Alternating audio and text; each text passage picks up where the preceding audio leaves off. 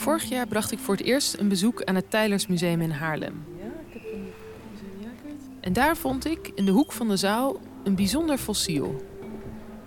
Er liggen wel meer bijzondere fossielen in Tylers, van dinosauriërs en miljoenen jaren oude schelpdieren. Maar deze viel mij om een andere reden op. Het leek vreemd misplaatst, zo tussen alle fossielen van uitgestorven beesten. Het was namelijk een fossiel van een mens. Tenminste, dat stond er op het bordje. Ja, hier staat het. Welkom bij Tijdgeest. Ik ben Julie Blessé en in deze radioserie ga ik op zoek naar verhalen achter vreemde ideeën uit het verleden. Vandaag reis ik terug naar een tijd voordat het idee van uitsterven bestond, waarin men geloofde dat het dierenrijk vanaf de dag van de schepping onveranderd was gebleven. Tot welke curieuze misverstanden leidde dat wereldbeeld en hoe werd het ooit aan het wankelen gebracht? Nu eerst terug naar Tylers. Daar vond ik naast het fossiel dus een bordje met de benaming Homo diluvii testis. De getuige van de zondvloed, een van de slachtoffers van de zondvloed. Dit is Erik Jorink, hoogleraar aan de Universiteit Leiden. Hij vertelt dat de vinder het fossiel zo noemde omdat hij geloofde dat de persoon verdronken was tijdens die rampzalige Bijbelse overstroming. Jacob Scheuchzer vond in Zuid-Duitsland in 1725 iets waarvan hij dacht: hé, hey, dit moet de afdruk van een fossiele mens zijn. En toch, toen ik het fossiel voor het eerst zag, kon ik maar moeilijk geloven dat een intelligent persoon hier ooit een mens in had gezien. De schedel is te klein, heeft geen tanden, de ooggaten zijn enorm.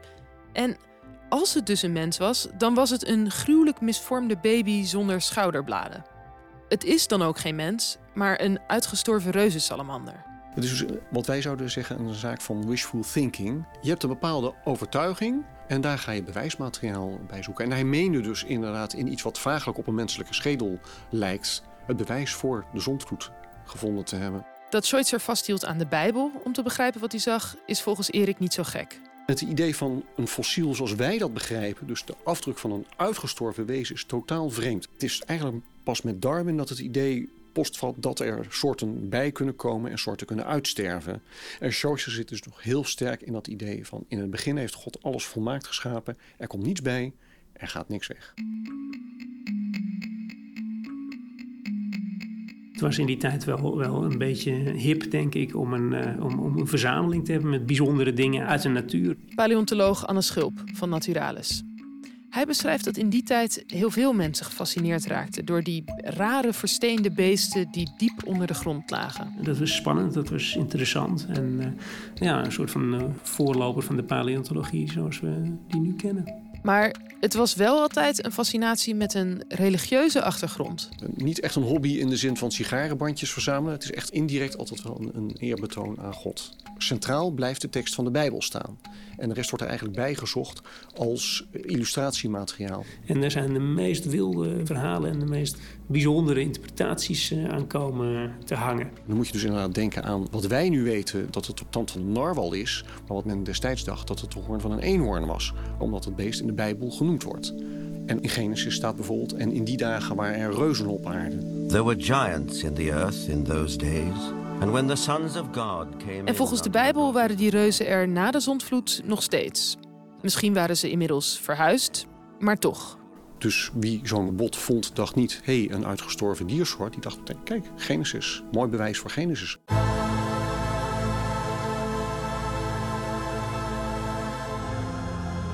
Zonder Darwins ideeën was het voor mensen onmogelijk te bevatten hoe enorm de wereld in miljoenen jaren was veranderd. Dat het waar Schweitzer aan het graven was, in Zuid-Duitsland, dat het daar ooit niet bevolkt was geweest met mensen, maar met reuzensalamanders. Een wereld voor de onze die, poef, weer was verdwenen. Het moet een verwarrende tijd zijn geweest. Later in de 18e eeuw leidde de ontdekking van mammoetfossielen in Amerika ook tot grote ophef. Thomas Jefferson die dacht dat de mammoet, die vijf keer zo groot was als een olifant, vast nog wel ergens in het Wilde Westen rondstampte. Hij vroeg dan ook aan de beroemde ontdekkers Lewis en Clark om tijdens hun tochten naar het westen van Amerika op te letten of ze er daar misschien nog eentje zagen lopen. Achteraf en terugkijkend is dat natuurlijk makkelijk praten. Maar er zijn die interpretaties die er in het verleden aan fossielen gegeven zijn. Letterlijk fantastisch. De, de fantasie die daar aan zit. Dat is prachtig. Maar langzamerhand wordt het zelfs met de grootste fantasie lastig om alle nieuwe vondsten vanuit de Bijbel te blijven verklaren. Verzamelaars halen eigenlijk een soort paard van Troje binnen. Men gaat dingen verzamelen om de tekst van de Bijbel te uh, bewijzen, aanschouwelijk te maken. En men haalt zaken binnen die juist de boel uh, ondergraven en heel problematisch maken. Denk bijvoorbeeld aan een miereneter uit Latijns-Amerika of een kangoeroe, waar in de Bijbel wordt de kangoeroe genoemd. Nou, niet dus. Dus hier ligt een potentieel probleem. En dan wordt een wel heel vreemd fossiel gevonden. In 1766 wordt er in de, de krijtgroeven van de Sint-Pietersberg in Maastricht wordt iets gevonden waarvan men denkt: wat is dit? Je gaat daar die grotten binnen, fakkeltje mee. Mensen die daar ondergrondse bouwsteen aan het uitzagen zijn, die komen er stukken bot tegen. Een reusachtige kaak. Scherpe tanden. Al met al is het een beest van bijna 18 meter lengte. Heel veel grotere botten dan eh, de grootste koeien, beren en andere beesten waar je tot dusver weet van had. En dan ontbrandt meteen een discussie van wat is het en wat doet het hier?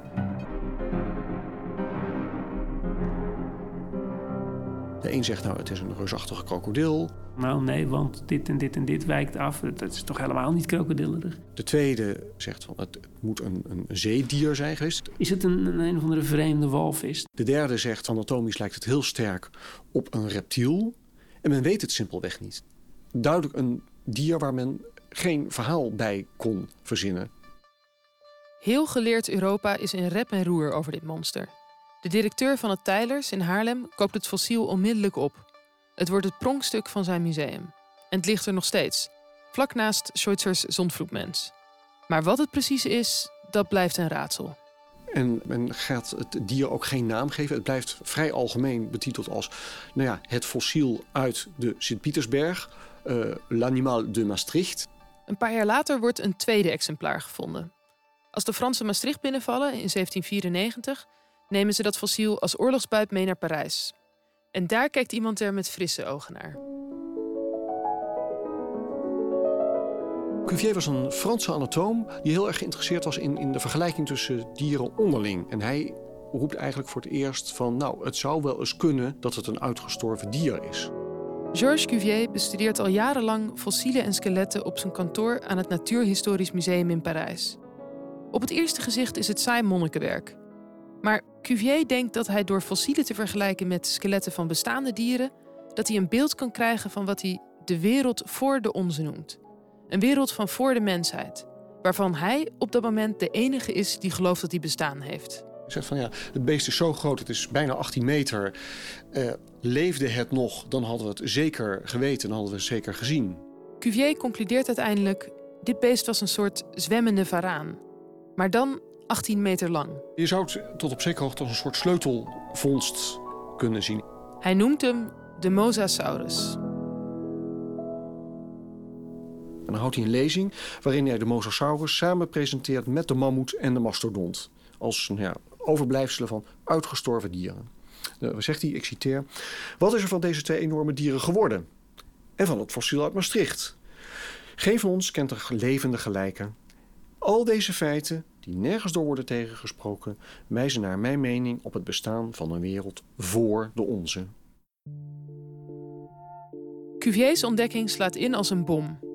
Zelfs de meest sceptische wetenschappers kunnen hier niet omheen. Het hele statische begrip er kan niks bijkomen, er kan niks verdwijnen, dat is van tafel. Die zekerheid is van tafel. Het is een idee dat veel eerdere interpretaties van fossielen in twijfel trekt. Zoals die van het fossiel van de zondvloedmens. Het Tylers nodigt Cuvier daarom uit om ook dat fossiel eens nader te onderzoeken. Hij reist af naar Haarlem. En hij gaat dan dus zitten bikken in dat fossiel van die zonvloedmens. En dan komt tevoorschijn wat uh, Cuvier al vermoedde, namelijk twee pootjes die duidelijk aantonen dat het om een reptielachtig wezen gaat, een reuzensalamander. Nadat ik dit verhaal heb gehoord, ga ik terug naar Haarlem om het fossiel opnieuw te bekijken. Daar valt me op dat je precies kan zien waar Cuvier heeft zitten bijtelen. De kalk is daar om de twee pootjes heen wat lichter van kleur. En plotseling begrijp ik beter waarom Jacob Schweitzer, de vinder van het fossiel, hier een mens in zag. Bij hem stak alleen de top van de schedel uit de steen. En het lijkt net alsof Schweitzer daar expres gestopt was. Voordat zijn vondst zijn geloof in de zonsvloed kon gaan tegenspreken. Cuvier durfde dat 86 jaar later dus wel aan. Cuvier is een, is een diepgelovig mens, maar hij heeft het idee dat er één alomvattende zondvloed is geweest, dat verwerpt hij eigenlijk. En zo komt het dat het besef dat dieren kunnen uitsterven ook de aanzet geeft tot het uitsterven van een heel religieus wereldbeeld. Wat je ziet is dat uh, mensen er langzaam maar zeker van doordrongen raken uh, dat je heel goed religieus kan zijn zonder de Bijbel letterlijk te nemen. Men gaat de Bijbel op een meer allegorische manier lezen en niet langer zien als een handboek fysica. En Cuvier is daar een heel mooi voorbeeld van. Cuvier wordt alom geprezen om zijn ontdekkingen. De Franse schrijver Balzac schrijft over hem: Is Cuvier niet de grootste dichter? Onze onsterfelijke naturalist heeft hele werelden herschapen uit een enkel wit bot. Maar er kleeft ook iets donkers aan Cuvier's ideeën. Een soort inconvenient truth. Cuvier geloofde niet alleen dat er af en toe dieren uitsterven, maar dat hele werelden compleet kunnen verdwijnen, inclusief de mensheid. Dat is de impliciete boodschap natuurlijk van Cuvier. Die heeft het heel nadrukkelijk over een tijd voordat de mens bestond. Wat bij implicatie betekent dat er ook best wel eens een tijd zou kunnen zijn nadat de mens is uitgestorven. In Cuvier's tijd waren fossielen het enige bewijs dat dieren konden uitsterven. Tegenwoordig hebben we daar geen fossielen meer voor nodig. Overal om ons heen zien we diersoorten verdwijnen. De laatste keer dat zoveel dieren in zo'n korte tijd uitstierven was 65 miljoen jaar geleden, toen de dinosaurussen aan hun eind kwamen. En het zou zomaar kunnen dat op den duur ook de mensheid zal verdwijnen. Wie weet, misschien wordt Duitsland dan opnieuw het territorium van de reuzensalamander.